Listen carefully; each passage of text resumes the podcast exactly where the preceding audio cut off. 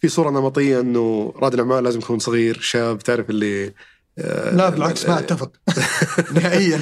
ليش؟ كم تشوف المتوسط العمر اللي تقول okay هذا شخص. نهاية الثلاثينات. okay. يعني نهاية الثلاثينات وطالع. لأن وقتها مر بالتجارب واستوعب إن الموضوع مو هو بظهور إعلامي. آه، مو استلام جوائز ما حد يعرف إيش فائدتها. آه، مو MOUs وتوقيع اتفاقيات. الموضوع لازم يؤدي عمل فيه.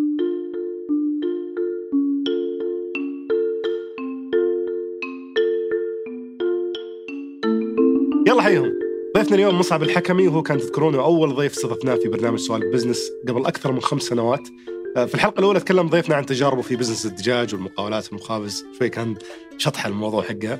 آه، بعدها صار عنده كاش وبدأ يستثمر في الشركات التقنية الناشئة إلى ما وصل عدد الشركات اللي استثمر فيها تقريبا 118 شركة.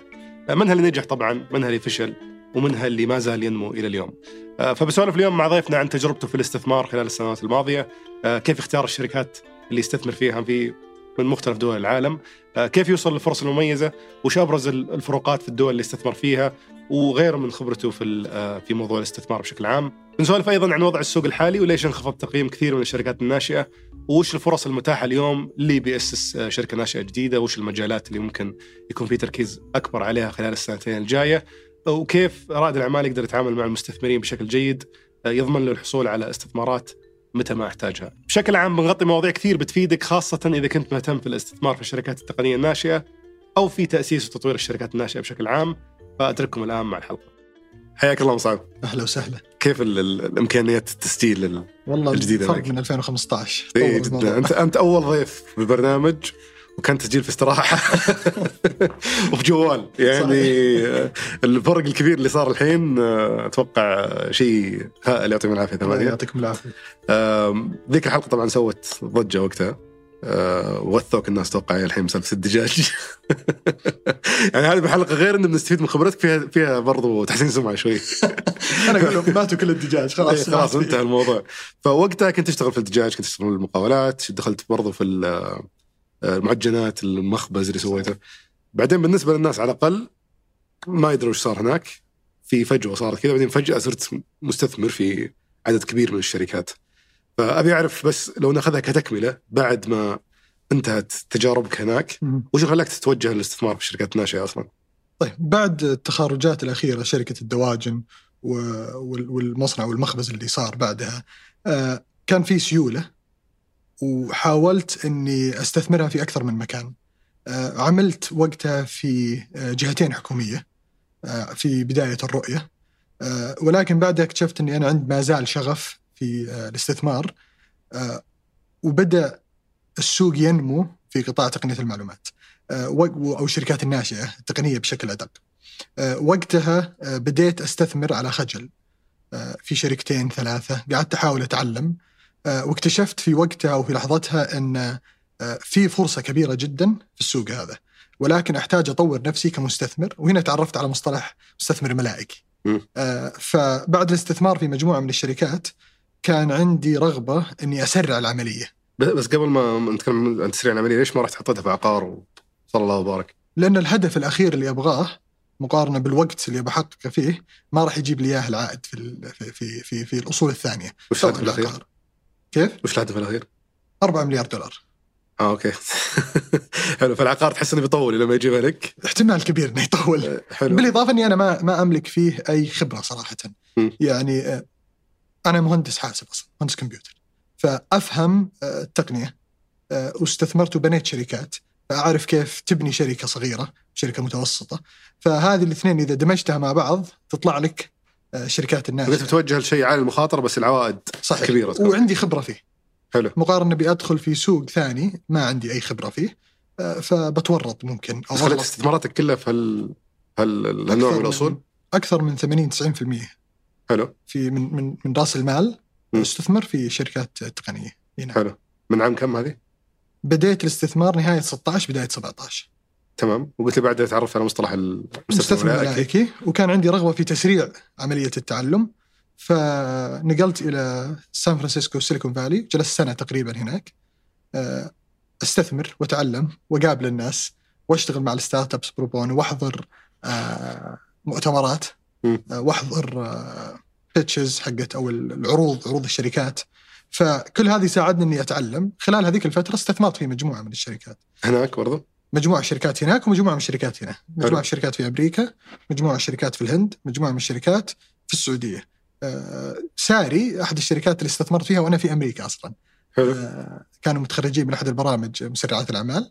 وقابلت الشباب ال founders كانوا في رحلة تعرفت عليهم عن طريق آه، مسرعة STC هذيك الأيام.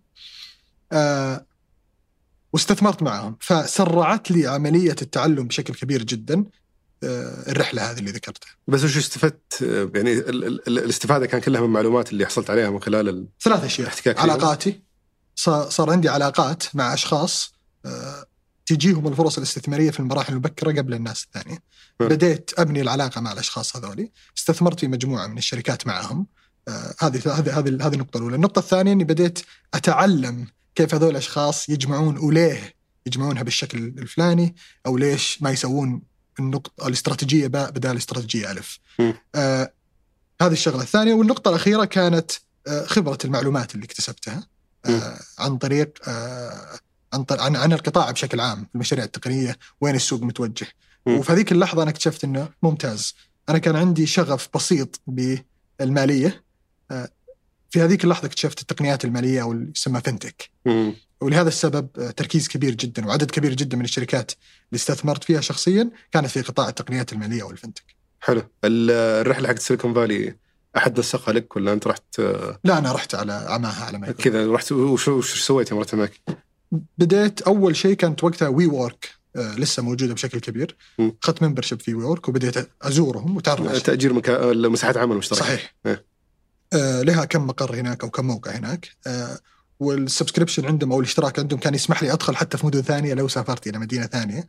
مم. كنت تبي المجتمع حق أبغى المجتمع؟ هذا ال community أو المجتمع اللي موجود. كان هدفي إني أنا أدخل معاهم بشكل أكبر. حلو. وقدرت أسوي الشيء هذا. وهي كرة ثلج تتعرف على ال startups والشركات الناشئة يعرفونك على الصناديق.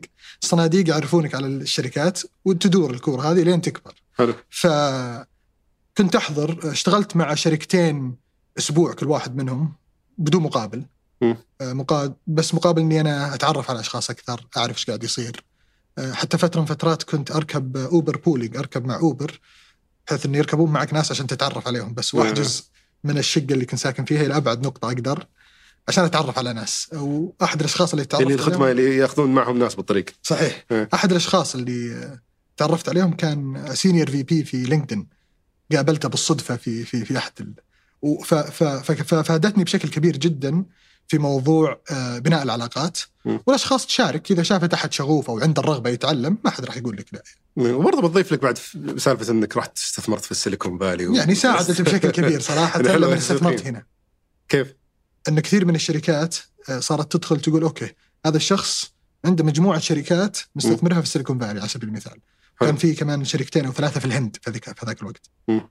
فكان عندهم الرغبة إنهم يأخذوني كمستثمر على آمل أنهم يحصلون على مستثمرين من هذه الأسواق أوكي الهند وصلت لهم برضه من خلال علاقات عن طريق ال Silicon Valley صحيح هنود يدرسون هناك ولا يشتغلون هناك؟ لا كان في صندوق يستثمر في مم. الهند وقال لي آه، آه، إذا مهتم في القطاع الفلاني ترى هذه وهذا كان أول تخارج لي أصلا الشركة أوكي. الهندية اللي كانت مصادفه الاستثمار وش كانت؟ منصه marketplace B2B قريب جدا من ساري ولكن مع وجود بعض الاختلافات كانوا يوصلون آه، خضار وفواكه من المزارع إلى أصحاب المحلات. حلو رجعت رجعت السعودية وبديت تستثمر هنا بشكل أكبر. كم سنة كم كانت السنة؟ نهاية 2019 بداية 20 أو بوقت ال- طلوع ستارت ابس. بشكل صحيح. بشكل كبير. صحيح. آه، كيف كانت تجربة الاستثمار وقتها أول ما رجعت؟ يعني كان في حراك وكان في ناس سبقونا في في الموضوع. يعني SVC كان وقتها عندها ال co-matching program اللي هي تستثمر في شركة يستثمرون نفس المبلغ صحيح. آه، كان في آه، بعض الصناديق بدأت آه، تحصل على أرقام جيدة من استثماراتها في صندوقها الأول فكان بدأ الموضوع ينمو بشكل واضح. وواضح أن السوق قاعد يتوجه لهذا القطاع. ولكن ما كان في تركيز على خلينا نقول نموذج عمل معين أو أو قطاع محدد فقط ولكن ريادة الأعمال بشكل عام والمشاريع التقنية الناشئة كان في تركيز كبير عليه. وعديت الظاهر 100 شركة استثمار. عدد الشركات اللي استثمرت فيها من بداية الاستثمار ست سبع سنوات الآن 118 شركة. كم نسبة الشركات من هذول اللي فعلا حقق لك عائد مجزي؟ أنا استثمرت ما يقارب 16 مليون دولار اللي هي في حدود 60 مليون ريال. حلو. آه تخارجت من 11 شركة منها. حلو. آه رجعت لي أكبر من المبلغ اللي استثمرته في ال 118 كاملة. أوه ما شاء الله. آه في 10 فشلوا 10 مشاريع فشلت. م. والمتبقين ما زالوا إلى الآن. إن شاء الله إنهم متوجهين. أنا أذكر تغريده أنت نشرتها حقت كم المضاعفات اللي رجعوا لك إياها للشركات. الأغلبية العظمى كان نفس المبلغ اللي دخلت فيه لسه ما ما, تحرك إلى الحين قيمة ال- يا السبب بسيط. لأني أنا يوم نشرت بديت أنشرها كان يعني أنا زاد عدد الشركات اللي استثمرت فيها بشكل كبير في 2021 مم. آه، لأني تخرجت من بعض الشركات فجتني سيولة فدخلت في مجموعة أكبر من الشركات. حلو. فبداية النشر كانت أغلب الاستثمارات هذه لسه ما مر عليها حتى سنة.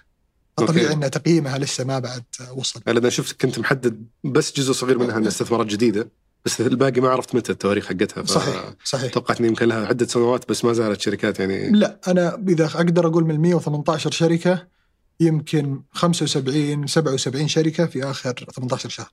بس ليش مكمل قاعد تدعس إلى فوق ال 100 ليش ما تقول مثلا في ناس يقول لك أنا باخذ لي 30 40 شركة بنتظر لين ما تجيني عوائد مجزية وبعدين أبدأ مرة ثانية أستثمر من جديد. لأني مؤمن بحجم الفرصة. ما أخذ ما شاء الله بلا حدود. لا حجم الفرصة كبيرة. يعني أنت اليوم اللي تطالع في الناتج الإجمالي المحلي في السعودية ال GDP المفروض يكون أربع خمس أضعاف. يعني أنت تتكلم عن almost تريليون ريال آه، اللي هي 1000 مليار. فأنت المفروض يكون أربع خمس أضعاف المبلغ هذا. معناها الفرق ما بين اللي إحنا فيه اليوم والفرصة اللي قدامنا مرعبة. فليش أنتظر يجيني عائد؟ وأنا عندي القدرة إني أرجع وأكمل في الموضوع هذا. وما زلت متمسك إنه بس بكمل على الشركات الناشئة ما أنت مستثمر في أشياء ثانية. إلى الآن ما زلت مستمر على شركات التقنيه الناشئه رغم ان الفرصة برضه موجودة في أشياء ثانية بس صحيح لكن خبرتي تظل هنا. حاط تركيزك كامل على إي يعني تخيل أنت تجي آه، تشتغل آه، معاي في هذا القطاع. وأنا وأنت نتنافس مو بنت أنا ومستثمر ثاني نتنافس أنا أملك خبرة كبيرة علاقات كبيرة هنا. بيساعدني الموضوع هذا في إني أنا ما أقول أفوز دائما ولكن تزيد احتمالية آه، فوزي ببعض الصفقات. لو أنا رحت في قطاع ثاني بلقى واحد عنده نفس الخبرة اللي عندي في هذا القطاع إيه. فاحتمالية خسارتي أكبر فحاولت أركز على القطاع هذا وأستفيد منه هو اللي يمكن ما يبين للناس إنه مجرد توفر سيولة معك لا تعني إنك تقدر تستثمر في شركات ناشئة. الشركات الناشئه تختار المستثمرين الملاكين اللي يدخلون معها ما أنت على الأقل في البدايات ما أنت بقادر تروح لأي شركة تقول دخلوني معكم لو سمحتوا آه، ما أدري احسك تذكرت سالفة لا تقدر تستثمر بس ما تقدر تستثمر استثمارات زينة غالبا يعني. بتصير أيوه بي- بيبقى لك ما بيقول يعني ما بيأسيء لهم بس بيبقى لك ال- ال- الشركات الغير مرغوب فيها. صحيح أقل متوسط جودتها أقل من المتوسطه بالضبط الشركات اللي راحوا المستثمرين الجيدين ورفضوهم. صحيح. فراحوا اللي بعدهم راحوا اللي. بعدهم راحوا اللي بعدهم. بالاخير اضطروا إنهم يصلون إلى الناس اللي عندهم فلوس. أي أحد عنده بدون فلوس خبرة. يبغى- بالضبط اي فغير مسألة خبرة برضو السمعه أنا يمكن عكسك بديت استثمر قبل ثلاث سنين تو يعني يعتبر جديد. أه واجهت صعوبة كبيرة في الموضوع صراحة. مم. لأنه أول شيء لازم تكون سمعة لازم الناس يتذكرون إنك أنت قاعد أه يعني تستثمر مع الشركات. لأنه إذا ما كنت في بالهم ما راح يكلمونك أصلا. حتى لو مهما اعتقدوا إنك إنسان عظيم ما راح يجونك. الشيء الثاني طلع الموضوع يتطلب شغل كثير وهذا اللي ودي. آه، نتكلم فيها أكثر. آه، على أساس يعني يعطيهم العافية مجموعة أشخاص من من ضمنهم ساعدتوني إني أوصل لاستثمارات آه، جيدة. بس الموضوع يتطلب شغل كثير. ما هو آه، بسالفة إنه يا جماعة يا جماعة تعالوا آه، أنا جاهز ترى أبغى أدخل معاكم وأنا وأنا شخص كويس وعندي خبرة بيجونك الناس فجأة وتلقى استثمارات زينة.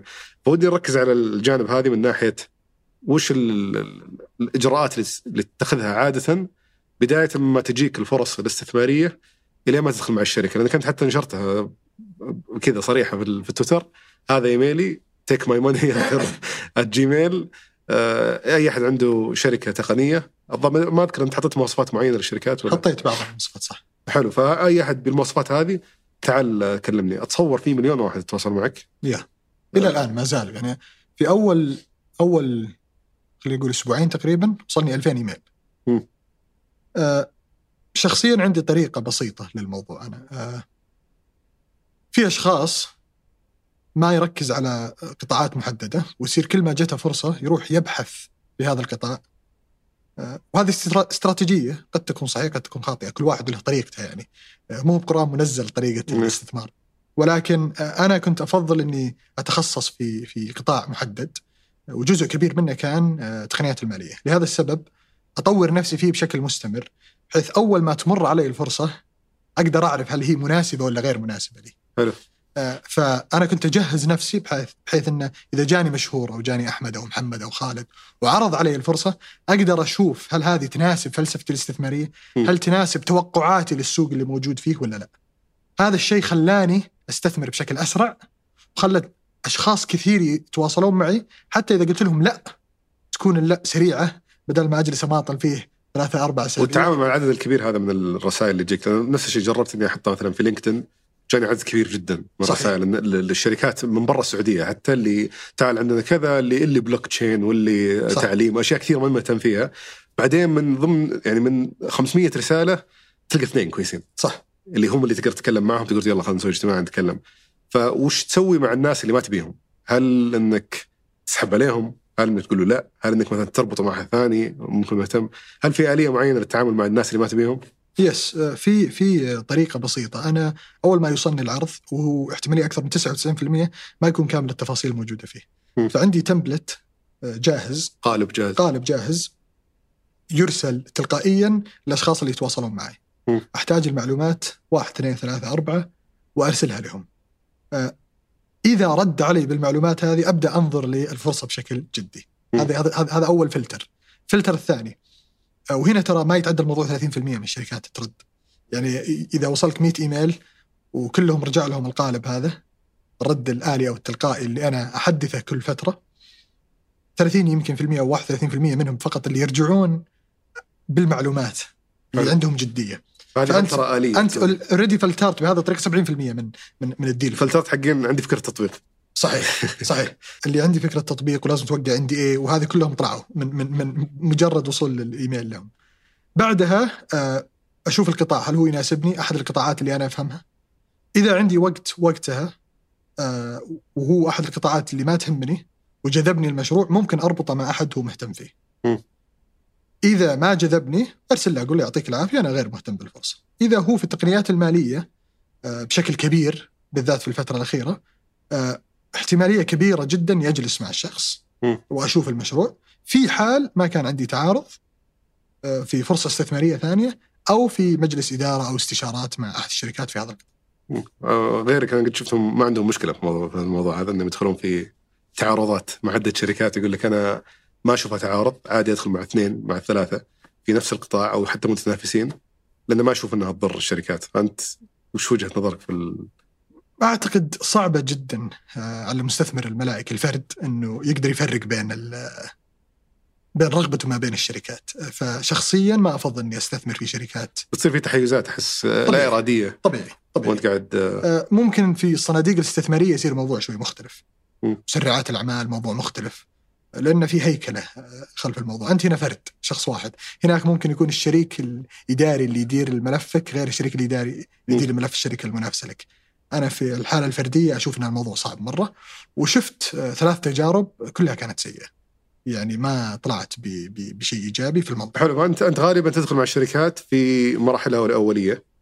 آه، ما بيدخل في تفاصيل بري سيد وسيد ولا Yeah. ولا المراحل الاستثمارية بس خلينا نقول في مراحل مبكرة من عمر الشركة. صحيح. اللي الشركة يمكن الحين ما نضج نموذج العمل غالبا ما حققت ربحية. يمكن حتى الإيرادات توها آه، ضعيفة. ففي هالمرحله كيف تتحقق من هل هل, هل هذه الفكرة اللي شغالين فيها فعلا آه، أو المنتج الأول اللي سووه فعلا بي- بيحقق نجاح أو لا؟ المنتج الاولي ما عمره يحقق النجاح لا قصدي يعني له مستقبل أو لا؟ له مستقبل هي تعتمد مو على الفكرة فقط تعتمد على آه، توقيت دخولهم بالنموذج العمل المحدد م. يعني يجيني أحد اليوم يقول لي بسوي ادفع الآن اشت- اشتري الآن وادفع لاحقا buy now pay خلاص يعني أقول خلاص ليش قلت خلاص لأن التوقيت غير مناسب صح. ف again هي وجهة نظر آه، ممكن يعني في شركات أنا قلت لا ونجحت ما شاء الله عليها إيه. لكن والسبب في نجاحها مو كان جودة التوقيت ولكن جودة المؤسس نفسه طلع أحسن من ما توقعت أنا. آه، فجودة المؤسس آه، توقيت المشروع وجود منافسين من عدمه آه، اللي هي جزء أيضا من جودة المؤسسه من ناحية خبرات من ناحية تنفيذ من ناحية. الأمور هذه كلها خبرات تخصصية خبرات سابقة م. يعني لو يجيني واحد كان طوال فترة حياته يشتغل في في القطاع الصحي وقرر يسوي مشروع تعليمي م. مقارنة بشخص متمرس في القطاع التعليمي الاستثماري التعليمي وقرر يسوي مشروع تعليمي م. فبفضل الشخص الثاني لسبب بسيط آه، وجود الخبرة هذه بتمنعنا من آه، يعني الوقوع في أخطاء كثيرة م. نتفاداها آه، فخبرة المؤسس تجاربه السابقة في الشركات الناشئة سريعة النمو. لأن في شركات كثيرة ممتازة وأنا أقول لهم لا وهو يزعل يعتقد إنه إني قاعد أقول له مشروعك مو بزين. أنا قاعد أقول له من وجهة نظري تقييمك اليوم 5 مليون المشروع ما راح يصل إلى 200 مليون دولار بسبب حجم السوق بسبب خبرتك بحسب شخصية الأشخاص في أشخاص حذرين جدا ما عندهم الرغبة إنهم يبنون شركة ناجحة في خمس سنوات يبغى يقعد 15 20 سنة مم. أنا ما عندي ما عندي الرغبة إني أنا أشارك في الرحلة. أنت كان لك تغريده في حول الموضوع هذا. كنت تتكلم عن تخوف الناس من شغلتين، الشغلة الأولى إنهم ينمون الشركة بسرعة يخافون إن الشركة يكبرونها بشكل سريع. والثانية إنهم يوظفون ناس أذكى منهم. في المنطقة هنا يعني. فلو بس بتفصل في النقطتين أكثر هذه. ليش ليش يخافون منهم الش- الشركة تنمو بشكل خاف من سريع؟ المجهول هو. آه لأن إذا نم نمى الشركة بسرعة معناها غالبا في المراحل الأولية بيحرق مبالغ. أكبر. مقارنة بال لو أخذ وقته. آه ف وهو ما عنده خبرة جيدة أو قدرة آه فوق المتوسطة على جمع رؤوس أموال إضافية فيخاف يخاف ينمو. آه والسبب هنا قد يكون إما آه شخصية الشخص إنه هو حذر بطبعه أو عدم وجود خبرة سابقة في آه، ريادة الأعمال أو في آه، المشاريع سريعة النمو. لهذا السبب تشوف على سبيل المثال كثير من آه، مؤسسي المشاريع في آخر ثلاث أربع سنوات كانوا يعملون مثلا في كريم. مم. ليش؟ لأن الشركة كانت سريعة النمو وكانوا هم من أوائل الموظفين فلهم تجارب سابقة مم. ف- آه، فشافوا وعرفوا يتعاملوا مع الموضوع. النقطة الثانية ألا وهي الخوف من آه، توظيف أشخاص أحسن منك آه، كثير منهم مو بكلهم لكن كثير منهم للأسف يخاف يفقد السيطرة على العمل ويبغى يصير micromanager يدقق على الصغيرة والكبيرة مم. فوجود أشخاص آه، أفضل منه في بعض الأمور ما راح يسمح له إنه يدير الأمور وحتى لو حاول يديرها يبدأ يدخل في مشاكل مع الأفراد هذولي فرغبتهم في المحافظة على الطفل هذا لأن كثير مؤسسين يعاملون الشركة كطفل رضيع لسه ولدهم. أو بنتهم يخافون عليها إلى درجة يصير overprotective تصير تصل إلى مرحلة إنك تحميه أكثر من ما المفروض إنك تحميه. أحيانا خليه يبكي شوي خليه يطيح خليه يزعل خليه جزء من التعلم فيتفادون توظيف أشخاص أفضل منهم مما يؤثر على نمو الشركة يؤثر على تقييم الشركة يؤثر على رغبة المستثمرين في الاستثمار وحجم الاستثمار بشكل كبير. بس أنا أستغرب من النقطة هذه إنه في النهاية آه أنت تملك في الشركة ما أنت شخص خايف إنه يستبدلك الموظف اللي اللي أحسن منك هذا في النهاية و تحتاج مع الوقت إنك تنمو. يمكن هذه الأشياء اللي يعانون منها إنه ما يقدر ينمو هو مع الشركة. الشركة بتنمو هي مع الوقت بس هو نفسه يشتغل بنفس الطريقة اللي اشتغل فيها في أول أو ثاني سنة في تأسيس الشركة. إنه يبغى يكون يتحكم في كل شيء يبغى يكون داخل في كل التفاصيل يبغى يكون يسوي كل شيء ويشتغل بنفس الطريقة حتى في نفس التكتيك بنفس الاستراتيجية اللي يشتغل فيها صحيح. في بداية الشركة. ف ما, في ما أفترض إنه في دور للمستثمرين إنهم شوي يضغطون عليهم يعلمونهم. في في في طاقيتين بلبسها. الطاقيه الأولى بقول لك ليه؟ عندي 118 شركة بقعد أعلم كل واحد فيهم وأروح أفتح أكاديمية. حلو. صار صعب الموضوع على السكيل هذا. والثاني إني اعطيه النصيحه. أقول له مرة ومرتين وثلاثة. ولكن المشكلة تصير مثل ما تفضلت نموهم يكون أبطأ من نمو الشركة. مو بسوءا فيهم ولكن نموذج العمل قد يكون جميل جدا إلى درجة إنه ينمو بشكل سريع وهو ما عنده القدرة على النمو بالشكل هذا. آه، فهنا مجلس الإدارة اللي بشكل كبير المفروض يتدخل ويقول تحتاج توظف شخص في ال position ألف أو في المنصب ألف في المنصب باء منصب جيم. فهذه أو هذا جزء كبير من دور مجلس الإدارة، اعضاء مجلس الإدارة ومجلس الإدارة والشبكات اللي تكون فيها المجتمعات الريادية، على سبيل المثال إذا أنت عندك مشروع تقنية مالية خلينا نقول digital banking أو بنك رقمي وأنت في شبكة Endeavor على سبيل المثال. في أشخاص بنوا هذا النموذج ونجحوا صارت مليارات دولارات تقدر تستخدمهم وتتعامل معهم كمنتورز كمرشدين لك في هذا حلو. المجال وهم بيساعدونك تنمو ويساعدون لأنهم مروا بالتجارب هذه. ودام نجح فهو مر بالشين والزين فراح يقدر يضيف لك ولكن هذا كله ما راح يصير إذا أنت كشخص ما أنت مستوعب إن عندك مشكلة. إيه. وهذه وهذه المصيبة الكبيرة اللي تصير هنا فيخافون يجلسون يقفلون على نفسهم وعندنا أمثلة كثيرة في المنطقة يتضررون من الموضوع هذا. يشوفون ما يقدرون يوظفون أي كفاءات لأنهم يبون يتحكمون في كل شيء يبون يصدرون كل شيء. حتى مع الشركة وصلت إلى مراحل متقدمة بس ما عندهم خوف عندهم ممكن عدم ثقة. يضطر وقتها إنه يدفع رواتب أعلى من متوسط السوق بكثير عشان يقنع أحد يجي. لأن السمعة تكون خربت مع صحيح. الوقت.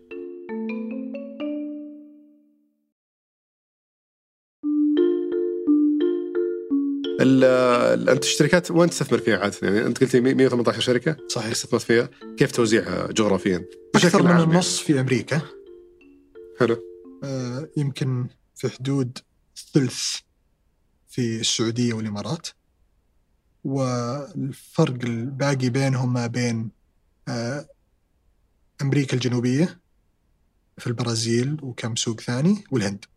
الاختيار هل مكان الشركة يكون دور الاختيار؟ يعني إحنا تكلمنا مثلا السوق الموجود للشركه متاح للشركه، المؤسس، الفريق وكذا كذا كذا. هل أيضا الدولة تلعب دور أو ال- صحيح يعني مو أعطي مثال على على شركة أغرتك لأن مثلا كل عناصرها تتشابه مع شركات ثانية لكن الدولة اللي هي تشتغل فيها فيها فرصة كبيرة جدا. استثمرت في شركة في المنطقة هنا ونجحت نجاح ممتاز جدا الحمد لله م. بعدها جلست أبحث إيش الأسواق المشابهة للسوق لسوق المنطقة هنا وجدت أن السوق البرازيلي في هذا القطاع قريب جدا من السوق السعودي السوق الإماراتي السوق الخليجي بشكل أكبر م. فرحت بحثت من في لاعبين يقدمون هذه الخدمة في السوق م. ما لقيت إلا شركة واحدة الآن شوف بدينا نحصر م. نموذج عمل ناجح سوق مشابه آه، عدم وجود منافسة تواصلت مع الشركة عن طريق لينكدين بحثت عنهم ولقيتهم. لقيت المؤسس تواصلت معه جلست أكلمه اقتنعت أن الرجال عنده الرؤية وشايف أن السوق جاهز أنه ينجح لأن نموذج العمل هذا نجح في أسواق أخرى مم. ففرصة جاهزة أني أستثمر فيها بالإضافة أني أملك الخبر أني اساعده وأقول له وش الأخطاء اللي ممكن يتفاداها لو بشكل بسيط حلو فتروح تواصل معك ترمي وجهك. لأن كل ما يعني هو وش بيسوي إذا أنا تواصلت معاه بيروح يبحث عني. كل الشركات كل ما زاد عددها كل ما صار هو مرحب بفكرة حصوله على الاستثمار مني بشكل أكبر وش ابرز الاختلافات اللي شفتها بين المناطق اللي استثمر- استثمرت فيها؟ يعني رواد الأعمال مثلا في البرازيل عن عن مصر عن السعودية عن حجم الفرصة في السعودية مرعب. آه رواد الأعمال جالسين يتطورون لأن السوق كله على بعضه جديد في هذا القطاع. آه بعضهم ما شاء الله شفنا منهم يعني شركات ادفع now آه، اشترى الآن وادفع لاحقا buy now pay later وعندك مؤسسينها كلهم يعني مرعبين ما شاء الله. آه بعض الشركات التجاره الالكترونيه أيضا. ف عدد المؤسسين اللي عندهم خبرة سابقة في السوق ما زال ما زال قليل والسبب عمر السوق. لكن لو تروح على سبيل المثال السوق المصري وتروح السوق البرازيلي تروح السوق الهندي. روح السوق الهندي على سبيل المثال ابعد شوي. روح السوق الهندي. تلقى شخص من 2011 وهو يشتغل في startups okay من 2009 وهو يشتغل في start حتى لو ما كان مؤسس يكون موظف بس كان موظف. في ثلاث أربع شركات نمت بشكل كبير واقتنع أن الآن هو جاهز انه يأسس. مم. فتجلس مع شخص مر بالتجربة أكثر من مره. وهذا شيء ما تقدر تستعجل فيه أنت لأنه تحتاج وقت. الناس اللي بيطلعون من ساري وتمارا وتابي وسلة وزد و و وهذه الشركات كلها مرسول وغيره بيروحوا يأسسوا مشاريع ثانية. هل معناته هنا العمر ما يلعب دور مهم؟ كيف؟ العمر ما يلعب دور مهم في الموضوع. يعني. في في صورة نمطية إنه رائد الأعمال لازم يكون صغير شاب تعرف اللي آه، لا بالعكس ما أتفق. نهائيا. ليش؟ كم تشوف متوسط العمر اللي تقول okay هذا شخص. نهاية الثلاثينات. okay. يعني نهاية الثلاثينات وطالع. الله يبشرك بالخير. لأن وقتها مر بالتجارب واستوعب أن الموضوع مو هو بظهور إعلامي. م. آه، مو استلام جوائز ما حد يعرف إيش فائدتها. آه، مو MOUs وتوقيع اتفاقيات. الموضوع لازم يؤدي عمل فيه. ولو تلاحظ الشركات في السعودية خلينا نتكلم الشركات اللي نمت بشكل سريع جدا في آخر من 2019 الحين نتكلم ثلاث أربع سنوات بشكل سريع جدا كانت غير موجودة والآن تقييمها فوق النص مليار دولار. كل واحدة منهم كانت لأشخاص إما عملوا في شركات سابقة أو أسسوا شركات سابقة. نعم، حلو. فالعمر هنا ما لأن كان في صورة نمطية إنه مثلا الصغير عنده النشاط وعنده الجلد اللي يقدر فعليا يسوي فيه ال- للشركات الناشئة وينميها بينما تدخل واحد نهاية الثلاثينات بداية الأربعينات يبدأ يبحث عن استقرار يبحث عن الهدوء يبحث عن موازنة الحياة مع العمل. من قطاع إلى قطاع. لكن وطبعا في استثناءات لكل شيء. في ما شاء الله ناس على 21 و22 أحسن من أشخاص عندهم 30 سنة خبرة. ولكن آه، بشكل إجمالي لا أفضل أن الشخص يكون مر بعشر سنوات أو أكثر خبرة عملية. اي أنا أعتقد فعليا التجارب العملية اللي تمر فيها هي اللي تشكلك. صحيح. فإذا أنت اشتغلت في شركات ناشئة بتكون تركيبتك بتتغير. بتصير أكثر نشاط، أكثر سرعة، أكثر كذا. في شيء ثاني. الشخص إذا عدى 35 36 في نهاية الثلاثينات خلينا نقول أو النصف الثاني من الثلاثينات وما بعدها غالبا تكلفة الفرصة عليه عالية فبياخذ الأمور بجدية 100% مم. يعني غالبا هو ترك وظيفة دخل فيها فوق المتوسط علشان يروح يأسس هذه الشركة. مم. فراح تكون عنده جدية عالية جدا مقارنة بشخص تو متخرج. يعني إذا ما ضبطت برجع تقدم على أحد برامج الخريجين من أيوه جديد. خلينا. نطقطق فلوس مستثمرين. أمشي فيها وأظبطها. بس كتعامل مع ال ال ال مع رواد الأعمال يعني مستوى تعامل رواد الأعمال مع المستثمرين بين مختلف الأسواق. أتوقع مثلا أمريكا هي الأفضل يمكن. بشكل في إرسال التقارير في التا... في, التواصل. مرعب مرعب الموضوع هناك. يعني طبعا يفرق من مكان إلى مكان. يعني أنا استثمرت في أوستن تكساس لسه. جاء في ناس في المنطقة أحسن منهم بكثير. حتى ك ك ك كمؤسسين مو فقط في التعامل. لكن حجم الفرصة في المشاريع اللي جالسين يبنونها كبيرة جدا وضخمة. آه، لهذا السبب خلاني وما في أحد قاعد ينافسهم لهذا السبب استثمرت معهم. ولكن بشكل عام خليني أقول لك الترتيب قد يكون أمريكا. بعدها آه، المنطقة أمريكا تحديدا كاليفورنيا ونيويورك. لوس أنجلوس سان فرانسيسكو نيويورك هاي ثلاثة بشكل كبير جدا. آه، بعدها تجيك صدق أو لا تصدق تجيك الرياض. okay. آه، السعودية in general بشكل عام سواء مؤسسينها سعوديين أو آه، مستثمرين أو رواد أعمال جو للسعوديه عشان الفرصه. آه، الإمارات دبي. بعدها يجيك السوق الهندي، السوق الهندي ضعيف جدا من ناحية هذه تقييمك لتواصلهم معك صحيح ولا؟ صحيح. من من نوعية التقارير. آه، استمرارية التقارير. نعم. جودة التقارير تفصيلها توقعاتهم. كمية الأخطاء مقارنة بالتوقعات اللي بانين عليها البزنس خلال سنتين ثلاث وش. اللي تتوقع؟ يعني عادة المستثمر وش يتوقع من رائد الأعمال؟ التقارير اللي له وكلمتها؟ يعني في البدايات يتكلم أنت في مراحل أولية جدا. الشركة لسه فيها من موظفين لعشر موظفين وكان معاك مستثمر عنده خبرة. أفضل شخصيا إنها تكون شهرية لأني ودي أساعدك. في أشياء ممكن أساعدك فيها. ولكن آه أنا راضي بكل ثلاثة شهور. حلو. كل ثلاثة شهور ممتازة جدا. وش يكون محتوى ال... وش صار في البزنس من ناحية أرقام؟ مبيعات عمليات غيره. شو الموضوع التجاري. الموضوع التقني وين وصل. الحل التقني اللي موجود. آه، موضوع المالي كم باقي في حسابك كم حرقت كم وظفت كم تعتقد التغييرات هذه ممكن تأثر عليك ومتى بتجمع جولة بناء على المبالغ اللي موجودة عندك. آه، ونقطة أخيرة دائما نسميها آه، أسوأ الأشياء وأفضل الأشياء. اللي قاعد تصير في البزنس. قول لنا وش أفضل شيء صار وعلمني وش أسوأ شيء. أجين ممكن أساعدك. هل تعتقد عدم إرسال بعض رواد الأعمال التقارير هذه تخوفا منهم من انطباع الناس من ردة الفعل من الأشياء هذه أو إنه بس مو فاضي يرسلها بكل بساطة؟ أعتقد أنه ما عنده أخبار حلوة يرسلها لك. مو معناه أنه عنده أخبار شينة. بس هو المفروض يرسل لك كل شيء؟ هو ما يدري إنه المفروض يرسل لك كل شيء. هو يعتقد إنه المفروض إذا برسل لك لازم أرسل لك أشياء اللي تسعدك لانك أعطيتني استثمار أو مبلغ. بغض النظر كم المبلغ. آه، في برضو من تجربتك في شركات أنت فعليا اشتغلت معهم أكثر من أنك تكون مستثمر فقط. صحيح. وش الشركات اللي كنت تقرر تقول مو بشرط حتى إذا ما تبي تصدير اسمائها آه، بس وش الشركات اللي تقرر تقول هذه بشتغل معها؟ وشركات ثانية تقول هذه تدري هذا بس بنصحهم ومن بعيد لبعيد آه، يعني في شركات مثل ساري يعني معروفة. صحيح. اشتغلت فيها الفترة وبعدين طلعت واشتغلت على أشياء ثانية. فوش الشركات تقول لا لازم أشتغل معهم هذولي؟ حجم الفرصة يكون في هذيك اللحظة وضح بشكل كبير جدا إن الآن وقت مناسب أه، إني أدخل وأساعدهم لأنهم يحتاجون خلينا نقول مؤسس إضافي أه، غير موجود عندهم إلى الآن. الشغلة الثانية أه، أشخاص أقدر أشتغل معهم. أقدر أتخاصم معاه في الصباح وأطلع أتعشى معاه في الليل. أوكي آه، لكن لازم يكون الشيء اللي أقدر أقدمه هو موجود نقص عندهم فيه. مم. فعلى سبيل المثال آه، جمع الجولات الاستثمارية آه، تأسيس فريق المالية بشكل كامل تأسيس فريق تجاري سواء مبيعات وتسويق وغيره. فإذا هذه الأشياء فيها نقص أقدر أنا أتدخل معاهم طبعا برضاهم وبطلبهم غالبا إني أساعدهم إني اسس هذه الأشياء. بس ما أتصور في شركة ثانية تطلب وترفض ما تروح معها. طبيعي.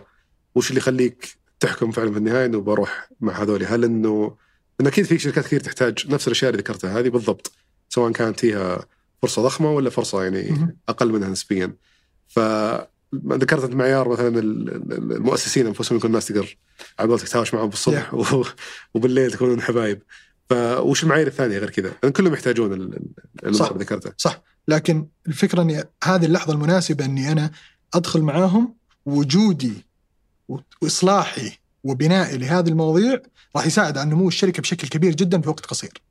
فأنت تقيم كم هذه ممكن حتى يرفع العائد الاستثمار. حقك صحيح فإذا في شركة مثلا دخولك معها يرفع العائد ثلاث مرات أو مرتين تقول okay يمكن مو بلازم وفي واحد ثاني عشرة إيه. كلهم في نفس المدة بروح مع اللي عنده عشرة أبو عشرة خليني أدفك شوي صحيح. قدام وبعدين متى تقول إني لا خلاص بطلع الحين بروح أشتغل شيء ثاني إذا صار إذا صرت أقدر أغيب عنهم ثلاث أيام في الأسبوع ما حد يدق علي خلاص تحس إن. اسست فريق. والامور استقرت آه، ليش قاعد يعني إلى ال- ال 118 شركة هذه قاعد تستثمر بشكل فردي ولا إنك اشتغلت لا مع صندوق استثماري ولا أسست صندوق استثماري؟ يعني مؤخرا طبعا انضميت أنت صندوق استثماري بس إي أنا مو هذه الآن انضميت أنا صندوق استثماري وحجمه 100 مليون دولار متخصص في التقنيات المالية الفنتك في المنطقة حلو بس ليش جت الخطوة الآن؟ ليش ما جت أبكر من كذا بكثير؟ لأني أعتقد أني تمكنت بجزء أكثر من 50% من المرحلة اللي كنت أستثمر فيها بشكل فردي.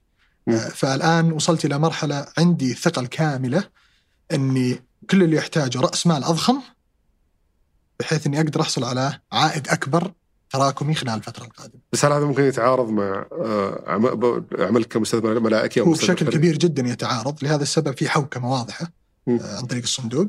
جميع الفرص تمر على الصندوق اولا. أوكي جميع الفرص تمر على الصندوق اولا وأنا والشركاء نصوت عليها.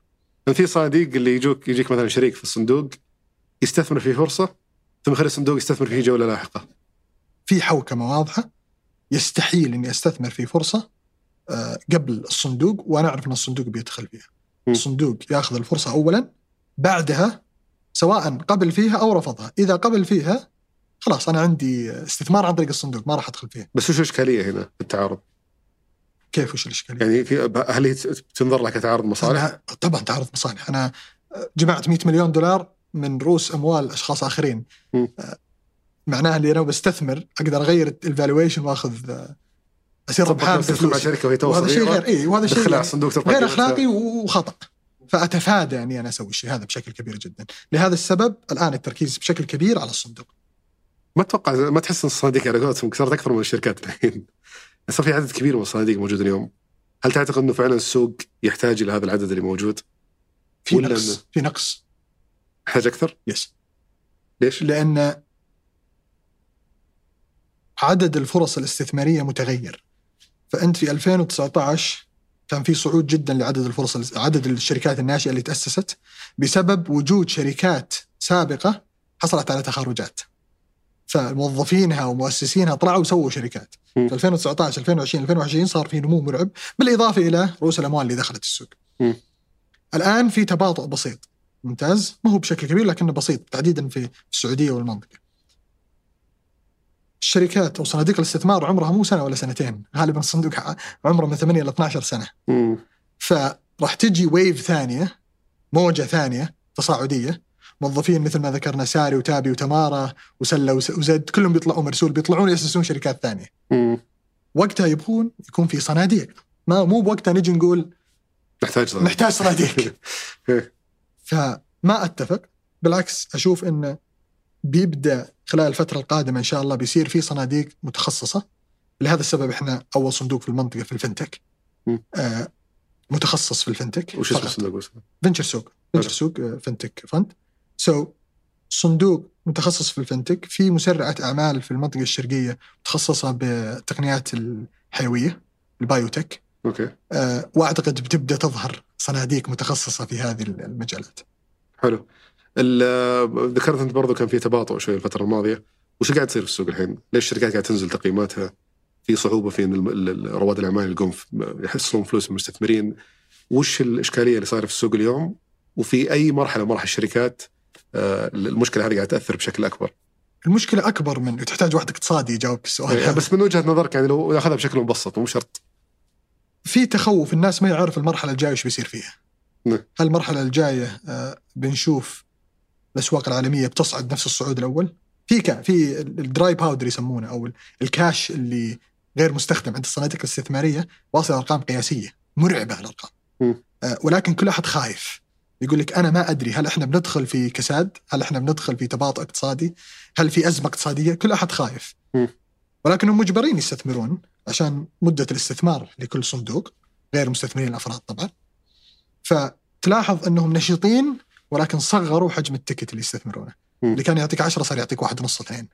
والسبب إنه يبغى يكون له رجل ولكن ما يبغى الإكسبوجر حقه يكون آه، سيء في حال لا قدر الله. فهو. يكثر الاستثمارات بدل ما يكون. بغض النظر عن العدد لكن يقلل آه، خلينا نقول يقلل احتمالية فشله. ولو فشلت الشركة ما يصير بال10 مليون إيه، يصير بس هو الصندوق الآن للناس اللي ما يعني يعرفون كيف الصناديق هم يجمعون مبالغ من من, صحيح. من المستثمرين وملزمين يصرفون أو يستثمرون هالمبالغ خلال فترة زمنية معينة. صحيح.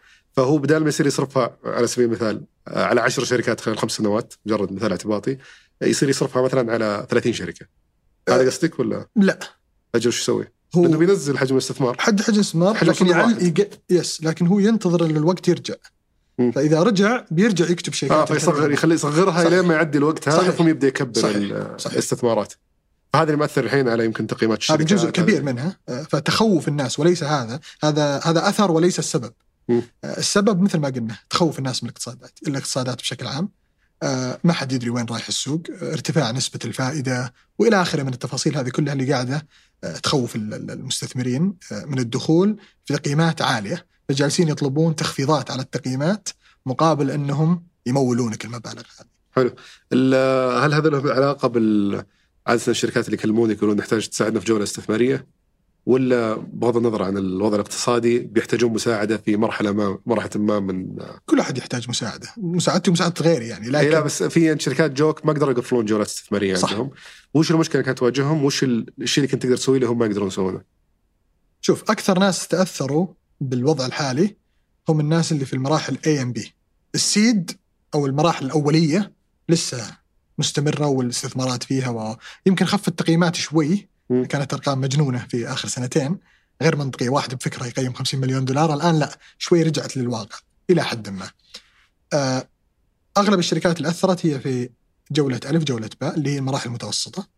آه، المراحل اللي في الشركات الكبيرة الشركات المراحل الأخيرة المتأخرة آه، قادر انها تجمع رؤوس أموال لأن وقتها أما هو ال business حقيقي ولا ال business سيء أصلا. ولا قفلوا خلاص. خلاص ف ف فعندهم تأثير كبير جدا في التقييمات هم أيضا ولكن ما عندهم مشكلة في الحصول على فالمراحل الاوليه الأولية اللي توه بادي أول سنة أول سنتين. هذا سهل يلقى فلوس صحيح وأتوقع في مستثمرين ملاكين كثير صحيح. يرمون فلوس عليهم لا كبرت الشركة وبدت صارت متطلب قيمتها أعلى ومتطلباتها أعلى حتى عشان يقدر ينمي الشركة توصل للمرحلة ال A ولا ال B مثلا صحيح هنا يحتاج مبلغ أكبر عشان صحيح. يقدر يوصل للشركة لل- للمستوى ولكن ما. وصل لمرحلة الربحية حق الشركات المتأخرة إيه اللي هذا اللي في النص اللي. هذول هم أكثر ناس تاثرا بالوضع الحالي حلو. فالناس اللي تواصلوا معي أو الشركات اللي تواصلت معي آه وساعدتهم. إن في كثير تواصلوا معي وللأسف ما قدرت سواء لوقت أو سواء لعدم خبرة أو رغبة أو فهم في المجال حتى. ممكن. واحد يتواصل معي يقول له ما أفهم مجالك. آه يجوني في البداية يقولون نبغاك تساعدنا نحصل على جولة استثمارية. آه ممتاز واضح. هم فعليا يبغون كاش أول خيار بالنسبة لهم نبغى نبيع حصة مقابل ان إحنا ناخذ آه، استثمار. وش الجولة الاستثمارية؟ أجلس معاهم وأطلب منهم بعض المعلومات. بعض المعلومات المالية ال roadmap حق خطه المنتجات حقتهم forecast توقعات. وأشوف السوق. إذا هو بدأ يربح أو قريب من الربحية ما نسوي له جولة استثمارية مقابل حصة ملكية. نسوي له جولة استثمارية أو عفوا جولة تمويلية. ممكن نجمع له مبلغ نسوي فيه قرض. ممكن نصدر له صكوك. في خيارات كثيرة يحصل فيها رائد الأعمال والشركة في المراحل المتوسطة والمراحل المتأخرة على رأس المال بدون ما يبيع حصة. يبيع حصة فيها وتقل نسبة ملكيته بالشركة الناس اللي في المراحل الأولية يبيعون حصص. صحيح. لأن لسه ال business أصلا غير قادر على تحمل آه خلينا نقول facility وقروض أو غيره من إيه. هذا من هذا الأمور. ف يتحدد الموضوع هنا. في بعض الأشخاص يقول لك لا أنا ما عندي الرغبة إني أدخل في ديون أو الهيكلة أنت بتسويها في كيمن ولا بتسويها في أبو ظبي ولا تسويها في الرياض ما تناسبنا. م. فنفضل إن إحنا نبيع حصص. في أشخاص كل شخص كل مؤسس وتفضيلاته. آه لكن في أكثر من خيار والناس ما زالت تعتقد إنه فقط ابيع حصة مقابل وهل الشركات في المراحل المتوسطه الأسهل الخيار بالنسبة لهم هو اللي يبيعون حصة ولا إنهم يجيبون قرض؟ حسب حسب حسب آه، خلينا نقول آه، أرقامهم المالية بشكل كبير جدا. هو اللي يحدد وش الأنسب بالنسبة لهم. ممكن تضرب مثال وش اللي يخليه مثلا الأفضل إذا هو على وجه الربحية خلال ستة شهور خلال ستة شهور خلاص بيبدأ يدخل في ربحية. آه وما يحتاج مبلغ آه ضخم جدا. آه ونمو الربحية حقه واضح إلى درجة إن ربحيته راح تسدد نسبة القرض ونسبة المرابحة م.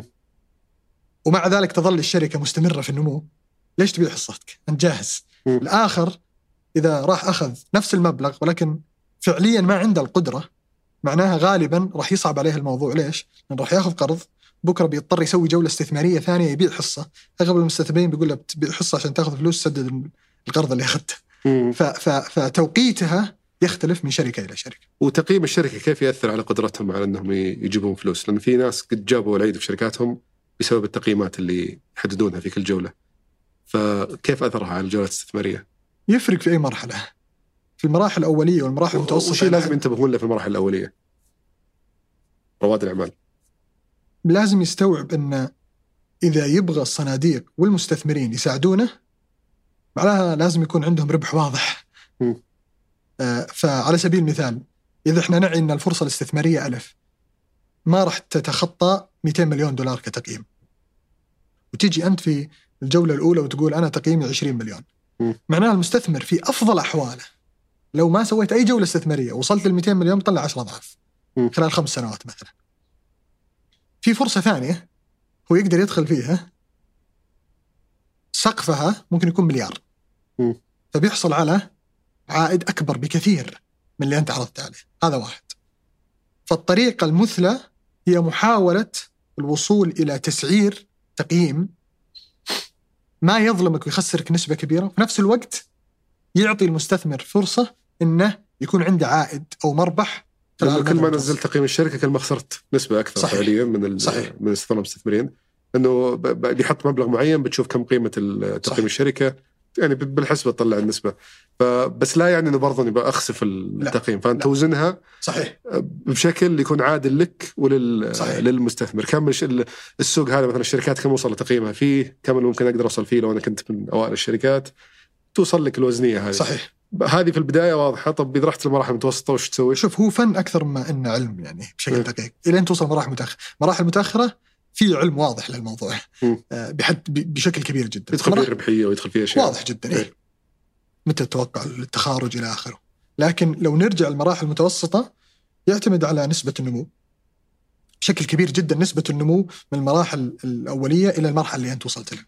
أه وجود المنافسة أه مما يعني اللي يسمونه ال barrier to entry هل سهل أي أحد يقدر ينافسك؟ ولا عندك أه خلينا شيء يميزك competitive advantage أو edge تساعدك إنك تسبق أي شخص يدخل يحاول ينافسك في السوق. آه بالإضافة إلى آه جذبك للتالنت أو المواهب اللي بتوظفها.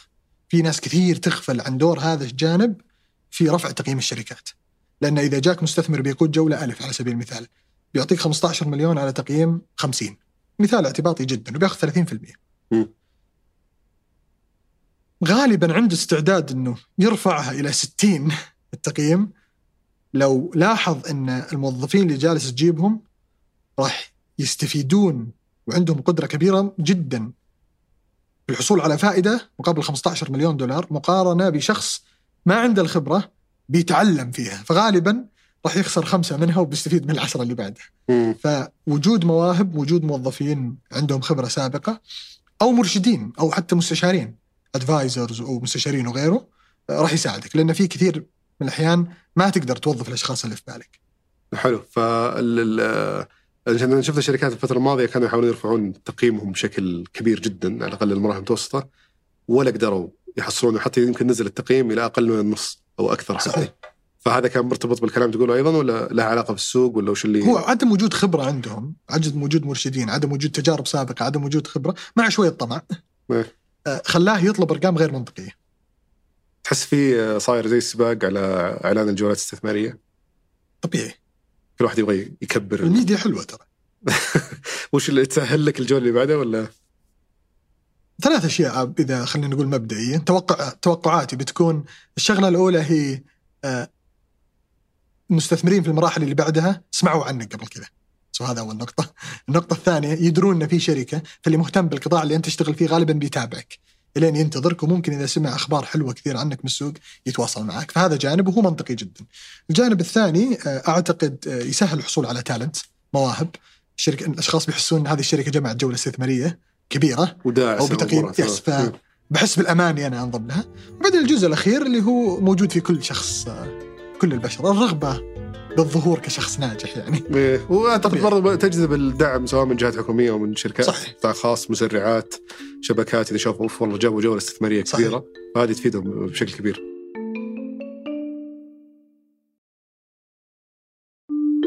على طاري استخدام الكفاءات برضو الشركات ماشية تحفز تحفزهم من خلال ال- انها تعطيهم أسهم صحيح بس أحس في مشكلة في السوق اليوم إنه الكفاءات هذول ياخذون أسهم ما يدرون وش قيمتها ما يدرون هل قاعد تزيد هل قاعد تنقص فوش الوضع ال- الأس- الأسهم حق الموظفين؟ اي يعني كثير من الشركات تخصص تقريبا ما يقارب 10% من أسهمها بعد جولة ألف بحيث إنها تعطى للموظفين آه، ويسمونها ESOP آه، اختصار. آه، فالموظفين عادة في المراحل الأولية لين series A series B خلينا نفرض شخص راتبه 30000 وبيروح ينضم إلى شركة startup آه، وبيعطونا راتب 22000 فالفرق 8000 ريال في الشهر. 8000 ريال في الشهر هذه آه، تجتمع تقريبا سنويا يصير قيمتها 96000 خلينا نقول 100000 ريال الفرق. مم. فهم بيعطونا أسهم بما قيمة تقريبا 120 130 ألف ريال. على أمل أن خلال السنوات القادمة يزيدون راتبة فتصاعديا يزيد من 22 ل 25 ل 30 في المثال هذا. وقيمة الأسهم هذه اللي قيمتها 150 خلينا نقول اعطوه إياها تزيد إلى 300 400 500 600 ألف مع نمو تقييم الشركة. آه، ولاحظنا في أمثلة كثيرة جدا لخروج آه، كثير من رواد الأعمال برا حتى في السعودية وفي المنطقة الحمد لله آه، يبيعون الحصص وقت التخارج ويحصلون على عوائد بالملايين لكن ممكن إذا فشلت الشركة تتبخر هذه ما لها أي قيمة بالحياة. تصير ما لها قيمة بس على الأقل مسألة إنه عندك حصة في الشركة صحيح معناتها على الأقل إنك مساهمتك في الشركة هذه و- وتكبير وجودك. الشركة هذه بالضبط إنه ممكن تجيب لك عائد أكبر من إنك تكون ملتزم ب أو تحصل صحيح. على راتب فقط. بس ما في آه، ما في إلى الآن يمكن وضوح كبير في قيمة الأسهم هذه لل- للموظفين.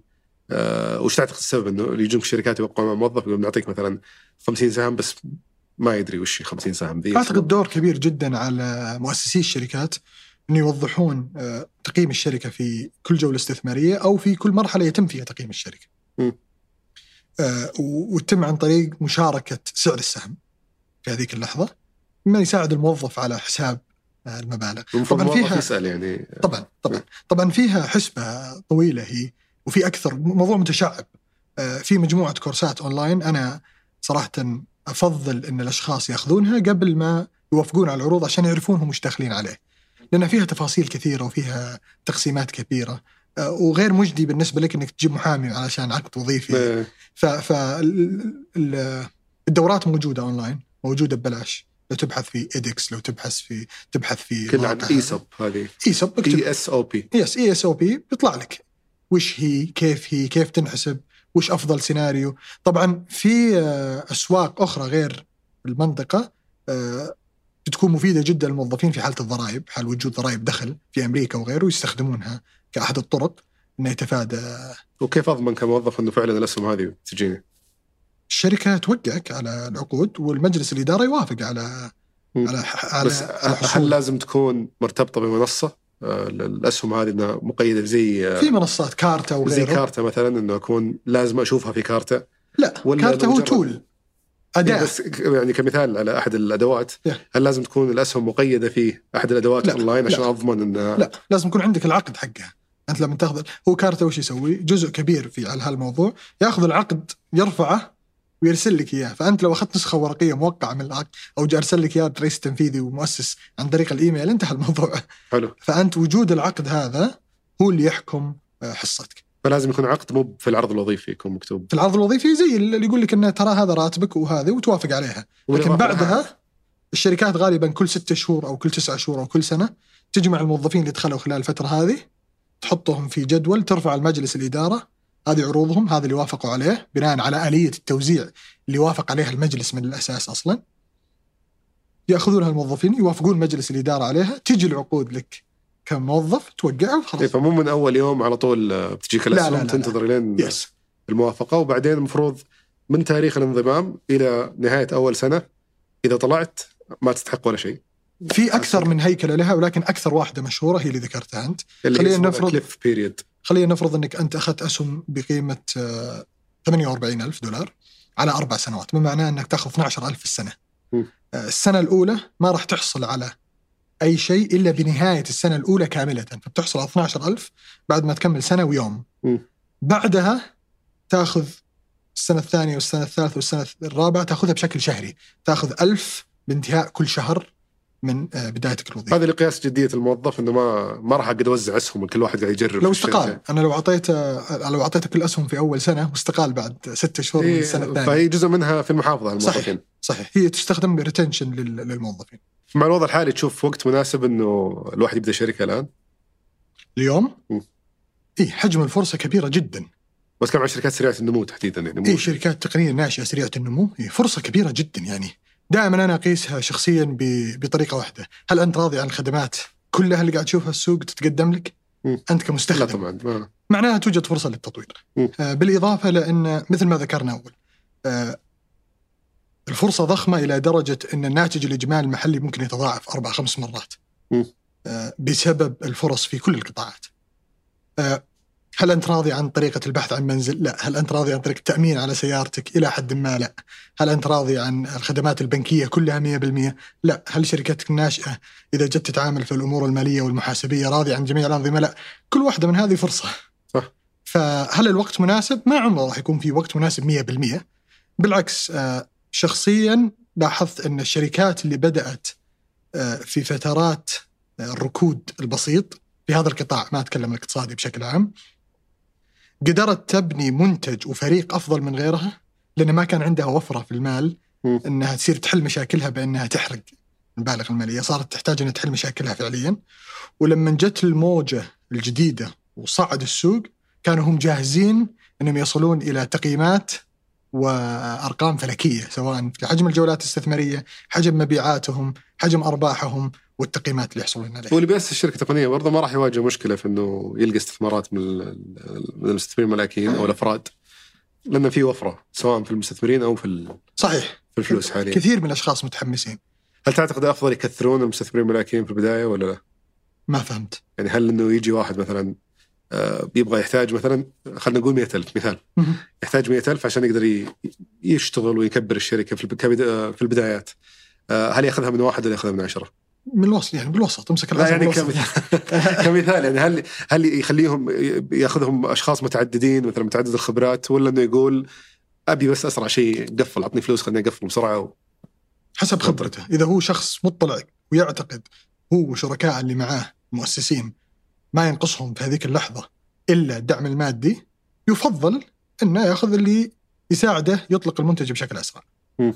إذا يرى في بعض النقص في بعض الخبرات أو بعض المناطق يفضل إنه يأخذ من المستثمرين اللي يساعدونه يغطي هذه المناطق. م. فالجواب ما في جواب واضح ولكن ما أفضل إنه يكون العدد كبير جدا. إيه. يعني المليون دولار غالبا سبعة ثمانية أشخاص كفاية وزيادة أكشلي زيادة هذا يمكن اللي خلى في صعوبة في الاستثمار الحصول على استثمار من خلال منصات التمويل سابقا اللي كانوا يجونك فجأة كذا 500 مستثمر هم هم قبيلك فعليا لما غيروا؟ فيها هيكل شوي مختلف هيكلها القانوني شوي مختلف. بس غيروها لاحقا اللي فهمته أنا. إيه لكن الهيكل القانوني شوي مختلف. كيف؟ آه، شركة تكون شركة ذات مسؤولية آه، عفوا شركة شركة مساهمة مغلقة في لها حوكة مختلفة. فكل شخص وحسب رغبته. آه، ممكن ينفع مع المشاريع آه، شبه تقليدية أو تقليدي. عندك آه، عشر مطاعم وانت بتفتح 10 فروع زيادة. خيار جيد جدا إنك تسوي تمويل استثمار جولة استثمارية عن طريق منصات تمويل. بس هم غيروها بحيث إنه يصيرون كل هذول يمثلون في شركة هي اللي تستثمر؟ ما عندي خبر عن الهيكل الجديد اللي صار بس هذا المنطق وهذا اللي يصير أصلا آه،. برا. تخلق كيان تجاري إس بي في شركة ذات آه، أغراض آه، خاصة مم. ذات أغراض خاصة. وتستثمر في الجميع يستثمر فيها من المستثمرين الأفراد. والشركة هذه هي اللي تستثمر في الشركة الشركة هذه الخاصه بس عشان بشرحها بشكل سريع اللي هي خلينا نقول كيان قانوني آه، يتيح لمجموعة مستثمرين يستثمرون باسم واحد صحيح ويصير في واحد ممثل لجميع. المستثمرين هو اللي يصير فيه تواصل بينه وبين الباقيين. الشركات عادة أنا شفت حتى يسوونها أحيانا للمستثمرين اللي آه، يقول لك أنت عندك مبلغ بسيط تستثمر فيه بس أنا راغب فيك خلاص ادخل من خلال ال- هذا اللي سويت. الكيان القانوني آه، والباقيين بت... أي أحد بيدخل فوق مبلغ معين خلاص تعال استثمر معي بشكل مباشر وتكون علاقة مباشرة معك.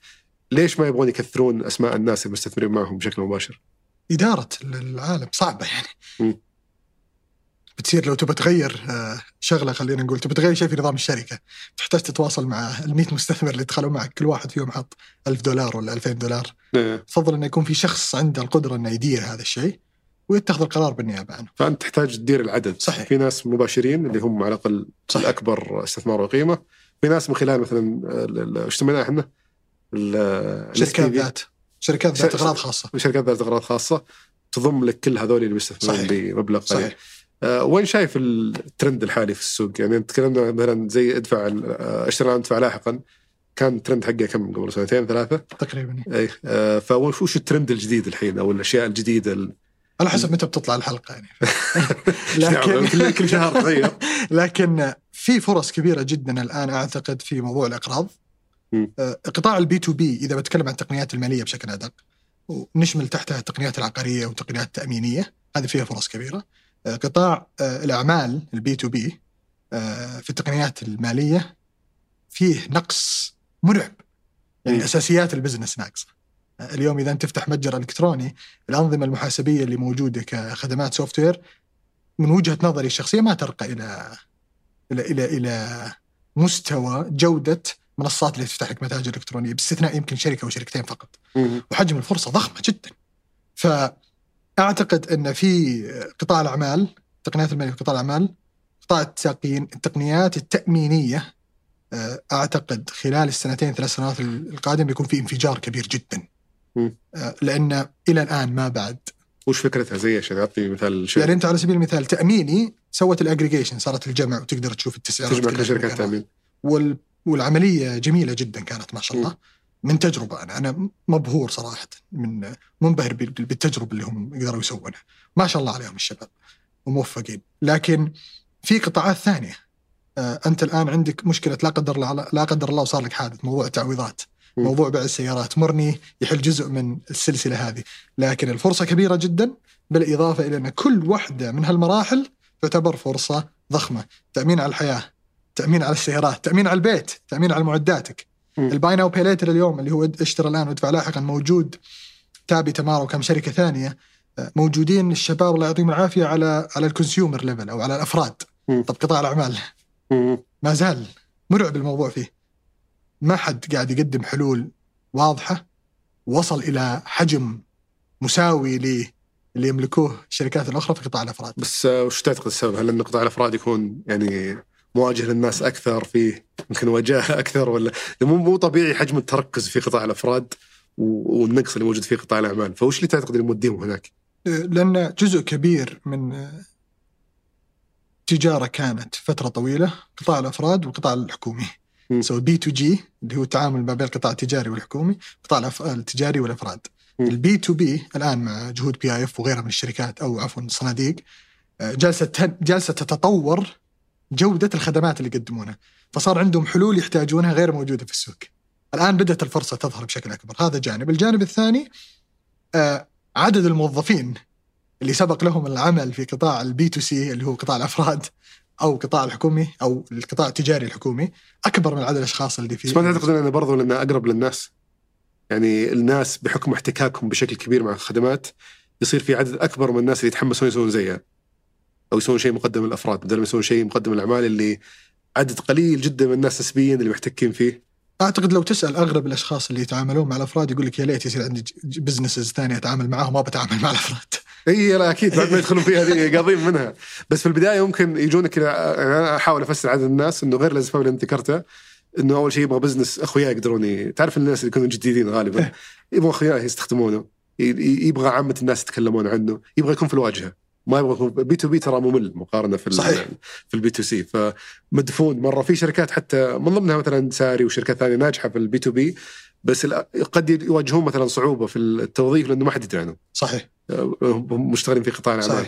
فقد تكون أسباب تساهم أيضا أسباب كثيرة أعتقد وما يمدينا نحصرها ولكن وجهة نظري عدم وجود أشخاص يعني قبل ساري أنا وأنت ما اشتغلنا في قطاع ال B2B آه لكن بعدها اكتشفنا إنه طيب الآن في فرصة في القطاع هذا آه في شركة لما على سبيل المثال آه نمت 16 ضعف في 12 شهر فقط ما شاء الله.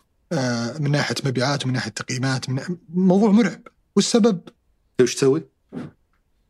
تبيع وتشتري فواتيرك اللي موجودة عند ال suppliers اللي الموردين. تتعامل معهم. صحيح الموردين تتعامل معهم. خدمة يسوونها البنوك على أو ال private equities والصناديق لكن على على على حجم كبير جدا، الحجم المتوسط والصغير ما حد كان يسويه، فهو دخل لحل هذه المشكلة. ودي بعد تكلمنا عن المستثمرين ورواد الأعمال والترند اللي رايحين الآن. أنت دخلت في مجموعة شركات كانت ناجحة جدا وماشية مع الترند وقتها وحتى في رواد أعمال متميزين جدا هم اللي كانوا يقودون الشركات هذه. آه، وغالبا الفرص هذه هي اللي هي اللي تجيك. ما هي باللي أنت اللي تروح تدورها وتلقاها. فكيف قدرت توصل لشركات زي مثلا ساري تمارا أو توصلك الاستثمارات هذه؟ ساري تمارا مجموعة الشركات الثانية سلة. في مجموعة شركات متميزة جدا ونمت نمو هائل جدا. آه، غالبا أي شخص مجرد إنه يهتم يستثمر فيها ما راح يحصل فرصة زي ما زي ما جتك هي بنفسها. فشلون توفرت لك الفرص هذه؟ الحمد لله رب العالمين. توفقت أنا في مجموعة. بتكلم يمكن عن الشركات اللي في المنطقة بحيث إن المستمع يكون عارف الشركات. لو ذكرت لك مجموعة يمكن شركات في الهند وفي أمريكا يمكن ما تكون معروفة. فعلى سبيل المثال ساري آه، Rain تمارا سلة أنا كنت عضو مجلس إدارة لكن ما كنت مستثمر مع الشركة. آه، عضو مجلس إدارة مستقل. آه، إذا بنتكلم على سبيل المثال على ساري. أنت ما استثمرت في سلة؟ لا ما ماني مستثمر okay. إي عضو مجلس إدارة مستقل تقريبا أربع سنوات لكن لا ما كنت حلو. مستثمر. ف ساري على سبيل المثال آه، لأني أنا شخص جاهز وجالس أتكلم عن الاستثمار وجالس أحاول أستثمر وكنت في أمريكا في هذيك اللحظة. تواصل معي أحد الأصدقاء وقال لي في شركة عندنا في المسرع لازم تقابلها وأنا كنت بشكل دوري أشوف كل الشركات اللي يخرجونها من المسرع. ولكن قال لي قابلهم الآن. فلما قابلتهم أعجبني آه، محمد الدوسري هذاك الوقت. رؤيته وين يبغى يروح حجم الفرصة حجم السوق. فاستثمرت معه. ولكن الهدف الرئيسي إني أنا كنت شخص جاهز. لهذا السبب والناس تعرف إني أنا مستعد. أستثمر بشكل سريع وبعطيك الإجابة إيه ولا لأ؟ الآن. بالإضافة للنقطة الأخيرة آه، اللي هي إني أنا جالس أتكلم وأقول يا جماعة الخير هذه القطاعات أنا أحبها هذه أشياء أنا أفضلها خلونا نستثمر فيها بشكل أكبر. فصار خلينا نقول المجتمع اللي حولي إذا لقى فرصة استثمارية يجي يقول لي شوف هذه الفرصة موجودة هنا. هل هذا ساهم في موضوع التغريدات اللي دائما تكتبها؟ صحيح، هي البداية كانت حساب تويتر مشاركتي للمعلومات في بعض القطاعات. وساعد الشيء هذا الناس تفهم أنا وش أبغى وتفهم وين تركيزي منصب فإذا جاء أحد يقولون له تبحث عن هذا الشخص أو شخص بالشكل الفلاني توجه له. تسويق لنفسك يعني. صحيح بشكل مع نشر الفائدة والمعلومات. Rain آه قصتها جميلة أنا كنت في سان فرانسيسكو بحكم إني كنت أكتب تغريدات عن قطاع التقنيات المالية وهذيك الفترة وكنت ذاكر في حسابي إني أنا أستثمر في قطاع التقنيات المالية. هذه المرة أحد المؤسسين بحث في LinkedIn ما لقى بحث في تويتر لقاني وأرسل لي direct message أرسل لي رسالة خاصة وقال إحنا عندنا المشروع الفلاني ودي أجلس معك. وينك؟ أنا في سان فرانسيسكو. قلت له أنا في سان فرانسيسكو. وطلع في حي قريب مني. جلست معه لأن كان عندي خبرة على الموضوع خلينا نقول باقل من 50% 40 50% بالكثير. لكن حسيت إن في فرصة كبيرة.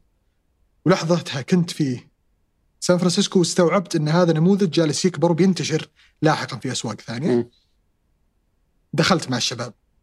في رين تمارا على سبيل المثال تواصل معي عبد المجيد لأني قابلته آه، سابقا كان يشتغل في شركة سابقة في نعناع. تعرفت عليه هناك كان كان هو رئيس تنفيذي القطاع المالي وكان شريك مؤسس. تعرفت عليه عن طريق أحد المؤتمرات والإيفنتات اللي سواها. فلما أسس شركته كلمني قال أشوفك تستثمر يمين ويسار في الفنتك وإن أنا جالس أبني منتج فنتك وأنا صرت أعرف الرجل وعرفت وش سوى في التجربة السابقة فاستثمرت معه. فكثير منها كانت لما على سبيل المثال أيضا جت عن طريق مستثمر في البحرين. لأن هو بدأ الشركة في البحرين وكان عنده رغبة إنه ينقلها للسعودية. فقال له إذا تبى تدخل السوق السعودي في قطاع التقنيات المالية نفضل إنك تبدأ مع مستثمرين في قطاع التقنيات المالية. فربطني فيه وجلست معه واستثمرت. حلو. فجزء كبير من القصة أنك أنت تكون جاهز وهذه استراتيجية اللي أنا أستخدمها. أطور نفسي في المجال بشكل مستمر أتقاطع مع الناس أقرأ فيه أقرأ أخبار أتابع وش يصير فيه في الأسواق. وعلى فكرة هنا أحيانا تصل إلى مرحلة أنك تقول ليش ما في أحد يسوي الموضوع الفلاني؟ مم. تكتشف أنت أن في فراغ في السوق. تروح تبحث عن شركات تعبي الفراغ. ممكن تلقاها ممكن تكتشف أنه في برضه انت في أشياء يعني ناس تسقط عليهم أنت فجأة لأنهم يسولفون بتويتر ولا لأنه يعني تذكر صحيح. الرجال في نيويورك بدون ذكر تفاصيل. كنت أسأل انه شلون نستثمر معك مصعب؟ أه، توقعت إن في علاقة ولا شيء. قال لي مرة حطيت تغريدة في تويتر جاء مصعب طب لي direct وكلمني. فهذول هل أنت تتابع ناس أي أحد تعتقد إنه في 2018 2019 ألغيت متابعة يمكن 95% من الأشخاص اللي عندي في لينكدين. يا ساتر. عفوا في تويتر. وقررت إني أتابع الأشخاص اللي ممكن يفيدوني في قطاع الاستثمار الجريء حلو. واستثمار الملائكي لو تدخل عندي حساب تويتر دائما عندي حد مستحيل أوصل ل 1000 متابع. مستحيل أتابع أكثر من 1000 شخص. مستحيل. لأن بعدها أفقد السيطرة أنا. ما عاد أقدر. فدائما تلقاهم 940 950 960 إذا تابعت أحد جديد ولفت انتباهي أروح أبحث عن الأشخاص اللي أنا تابعتهم. هل في أحد منهم قاعد يقدم معلومات ولا أشيله؟ فقعدت أبني جدول المتابعين هذا اللي يصل تقريبا ل 1000 شخص. إما هم أشخاص ناجحين إما هم أشخاص يملكون مجتمعات استثمارية مثل هذا الشخص اللي في نيويورك مايكل. مم. كان هو يدير مجتمعات استثمارية فكان يسولف دائما عن الاستثمار في نيويورك حجم الفرص في التقنيات المالية في نيويورك وكذا أنا وصلت له عن طريق التقنيات المالية حجم الفرص حجم الفرص فمرة من مرات قال إني أنا بسوي صندوق ارسلت له قلت له السلام عليكم تعال. بسوي صندوق أنا بدخل معك يلا واستثمرت معه. واستثمرت أول شيء مع مجموعة من الشركات في الصندوق عنده بشكل مباشر بعدين دخلت في الصندوق معه بشكل. آه كمستثمر في الصندوق نفسه آه فأستخدم تويتر بشكل كبير جدا في شركة أيضا في اسمها كان MicroAcquire غيروها الآن Acquire dot com جالس الرجال يتكلم إن ليش ما في آه، منصة منصة تبيع المشاريع مم. أنت تبني مشروعك مو لازم يصير تقييمه 10 مليار ولا 100 مليون ولا أنت بنيت مشروع صغير حجمه 400 ألف دولار تبغى تبيعه يا أخي. فهو يسولف ليش؟ أرسلت له فكرة ممتازة من بيسويها؟ قال أنا جالس أبنيها وجالس أحاول أجمع من الناس سبب عدم وجود هذه الفكرة. فقلت له إذا بتسويها أنا بدخل معك. هذا ما يعرفك ولا شيء ما اعرفه الرجال حرفيا جالس في سان فرانسيسكو Silicon Valley ما أدري مين هو وهو ما يدري من أنا. ارسلت له قلت له سويت جولة استثمارية قال الآن جالس أسوي جولة استثمارية وهذول مجموعة المستثمرين اللي مستثمرين معي. مم. كان من ضمنهم Naval مثلا مؤسس آه، AngelList. بالإضافة لمجموعة صناديق واحد من الص... آه، عفوا مجموعة مستثمرين لكن واحد منهم قد قابلته في سان فرانسيسكو سابقا فأرسلت له. قلت له تعرف هذا الرجال؟ قال لي أعرف. قلت هل اللي جالس يبنيه فعلي ولا جالس يلعب؟ قال لا لا فعلا جالس يبني واحد اثنين ثلاثة. وإحنا راجعناه أنا و XYZ هذول أشخاص. فكلمته قلت له يلا أنا بدخل معك. استثمرت معه. فأستخدم تويتر بشكل كبير جدا آه للحصول على معلومات السوق وين رايح. بعض الفرص اللي أنا بعيد عنها في في مناطق أخرى. تحاول تقنعه ولا عادة يكونون جاهزين؟ في البدايات كانت صعبة. الآن بعد بعد ما تعديت 50 60 شركة صار صار قبولهم أسرع بكثير. لما يصير صار في خلاص اللي استثمرت معهم يقولون للناس الثانيين يقولون للناس الثانيين. حلو هذول أفضل الناس اسوء الناس. أقول أسماء الله يستر عليك. لا ما تقول الاسماء بس عطني نموذج لشركات سيئة دخلت فيها وتعلمت آه، دروس من لما تفلسفت لما دخلت في قطاعات أنا ما أفهمها. دخلت في التقنية التعليمية وفي أقل من تسعة شهور وكلها. ظاهر قفلت إيه آه، شركتين وواحدة أخذت سنتين وشيء وقفلت والثانية آه، في أقل من تسعة شهور قفلت. آه، دخلت في آه، تقنيات تسويقيه اجين بحكم عدم وجود خبرة قديمة خبرتي فيها في موضوع التسويق ففشلت للأسف فيها. في شركات للأسف كانت ناجحة ومؤسسيها قتلوها لأنها تحولت إلى lifestyle project صار مشروع جانبي يعتقد أن النجاح بيدوم فمات المشروع بعد ما أهمله. وش راح توظف جهه حكوميه لا لا لا. نقل مدينة ثانية شرى شقة أكبر باع باع شوية من الحصه اللي عنده وصار عايش حياة عايش حياة الوناسة. مم. وال business بدأ يموت تدريجيا. okay. وافلست الشركة للأسف. وهذا يتكرر كثير لهذا السبب كثير من الصناديق الاستثمارية. تحط شرط إنها تقدر تجبر إنك تبيع. أو تتخذ إجراء محدد في حال تحول المشروع إلى مشروع شلون جانبي يقيسونها؟ مجلس الإدارة يقرر مع وجود إنه أنت. شكلك ما أنت ماخذ الموضوع بجدية إيه يعني على سبيل المثال تخيل إنك أنت تملك شركة في الرياض جمعت جولة استثمارية 100 مليون دولار والأمور طيبة ومبيعاتك مليار دولار والحياة حلوة رحت بعت عن جزء من حصتك ب 5 مليون ريال أو 5 مليون دولار عفوا ونقلت رحت سكنت في جدة مكتبك في الرياض. حط خليت ال CFO يدير الموضوع تجيهم أنت مرة في الشهر صارت واضحة إيه. يبدأ مجلس إدارة يسألك عن تفاصيل ما تعرف ال CFO يبدأ في المثال الاعتباطي هذا. هو اللي يجاوب. يبدو يلاحظون ضعفك لأنه هذه- يمكن نقطة في ناس كثير تخفى عنهم إنه فعليا لا المستثمر ولا رائد الأعمال يحتاج ينتظر لين ما تنباع الشركة عشان يطلع فلوس. ويقدر صحيح. من خلال الجوله الاستثماريه آه، المستثمر يقدر يبيع حصته كاملة في أحد. الجولات الاستثمارية ويطلع بمكسب ورائد الأعمال يقدر يبيع جزء من حصته في أحد الجولات الاستثمارية ويطلع له كاش محترم. صحيح. ويعيش حياة صحيح. حلوة. طبعا هي خلينا نقول شيء سلبي جدا وإشارة سلبية جدا للصناديق الاستثمارية والمستثمرين إنه يبيع حصة في البدايات لأن معناها إنه مو بجاد جالس يبيع. طب إذا هو مؤمن بالفكرة وبالتسارع وبالخطة اللي هو حاطها معناه إنه خلال أقل من 12 18 شهر ممكن هذا المبلغ يكون 10 أضعاف. فمن Series B جولة باء وجولة جيم يبدأ منطقي إنه يبيع نص في المية واحد في المية وهو عرف ومتعارف عليه ويصير كثير. إيه عشان على الأقل يطلع له بسيولة. لتحسين وضعك. إيه. تبي تشتري بيت اللي بتزوج اللي بيشتري سيارة اللي عندك ديون تبي تسددها بحيث إنك تكون مرتاح وانت جالس تبني هذا الكيان. والمبسوطين اللي خلاص ما مشت أمورهم وبيقفلون الشركة خلاص يجي يقول لك hard luck يعطيك العافية. إيه يرسل. يعني في واحد منهم للأسف اختفى ما أدري عاد ما أدري. الا اليوم ما أدري هو ميت. عايش مسجون ما أدري. لكن ال business قفل for sure لأني تواصلت مع مجموعة من المستثمرين. آخر قالوا إيه إحنا عندنا خبر وقفل. لكن الباقيين يرسلون ترى يا جماعة الخير فشلنا. واحد اثنين ثلاثة أربعة. آه فعليا في اثنين من اللي أفلسوا رجعت استثمرت معاهم في شركات ثانية ليش؟ الإيميلات والتقارير اللي أرسلت لسبب فشلهم كانت مقنعة أكثر من أي شيء ثاني في الحياة. إلى درجة أن تفهم أن الشخص هذا تعلم من أخطائه، كان صادق ما كذب. وبعضهم يفشل ترى مو بالسوق أحيانا. يتجه إلى مرحلة غير بس في جيدة. النهايه كان عشان بس ما يتحمسون اللي يسمعون إنه في مخاطرة عالية في موضوع الاستثمار فاذا مرعب. استثمرت في شركات احتمال كبير أو الأصل أصلا إنك.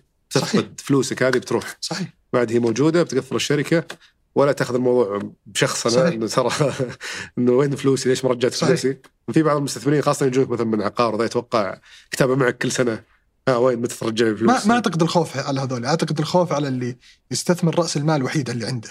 مم. 100% من رأس المال الوحيد عنده في ال startups أعتقد هذه مشكلة. بس ما وما يصير مجدي إلين ما- الاستثمار يعني هذا في هذا النوع من الأصول إلين ما تتعدى عدد معين من الشركات ممكن 20 30 شركة بعد ما تستثمر تدخل الفائض اللي عندك اللي ما تحتاجه بعد ما تكون أسست حياتك لو بشكل إي أنا قصدي بغض النظر عن وشلون وش المبلغ اللي بتستثمره بالشركات هذه قصدي غير مجدي إنك مثلا تستثمر آه، استثمار جانبي في شركة واحدة. خلاص أحط. فلوس فيها وإن شاء الله يا رب إنها صحيح. تنجح صحيح ما هي زي سوق الأسهم ولا شيء. ثاني تحتاج إنك تك- تكبر عدد الشركات تستثمر فيها 20 30 شركة بغض النظر وش نتكلم عن المستثمرين الأفراد في المراحل الأولية. بالضبط. إيه. إنك تكبر العدد لأنه يمكن واحدة بس هي اللي تضرب ولا ثنتين وتعوض عن الباقيين. فهذه بس عشان الناس اللي مجمع له تحويشه ويقول بحطها في آه، شركة واحدة. الله يعطيك العافية مصعب استمتعنا بالنقاش معك اليوم. أبرك ويا. جماعة فكوم الدجاج. لا حد يكلموا عن الدجاج بعد كذا. خلاص انتهى. رجال فوق ال 118 شركة خلصنا. دجاج ما عاد فيه. أبرك يا. حبيبي. شكرا لك. شكرا لكم. حياك الله. قبل ما تقفل الحلقة أتمنى إذا عجبتك تشاركها مع اللي حولك وتقيمها بتقييم إيجابي سواء في اليوتيوب أو في آيتونز. وإذا كان عندك ملاحظات عنها يا ريتك تشاركني إياها سواء على إيميل البرنامج سوالف ثمانية dot com أو حتى على حسابي في تويتر دبيان. شكرا لمتابعتكم وشكرا لعبد الملك آل سعيد في إعداد الحلقة. ياسر الغانم في إدارة التصوير. في الإضاءة غالب محمد ومساعده ياسر كدشة في الإخراج الإبداعي وهاب موسى في الإخراج الفني مجد القرشي في الهندسة الصوتية عبد العزيز المزي في التحرير مرام الضبيبان في التجهيز عبد المجيد عمر وعبد الله بالفقيه ومحمد عبد العزيز وفي الإنتاج التنفيذي رزان دهيثم هذا بودكاست سوالف بزنس أحد منتجات شركة ثمانية للنشر والتوزيع.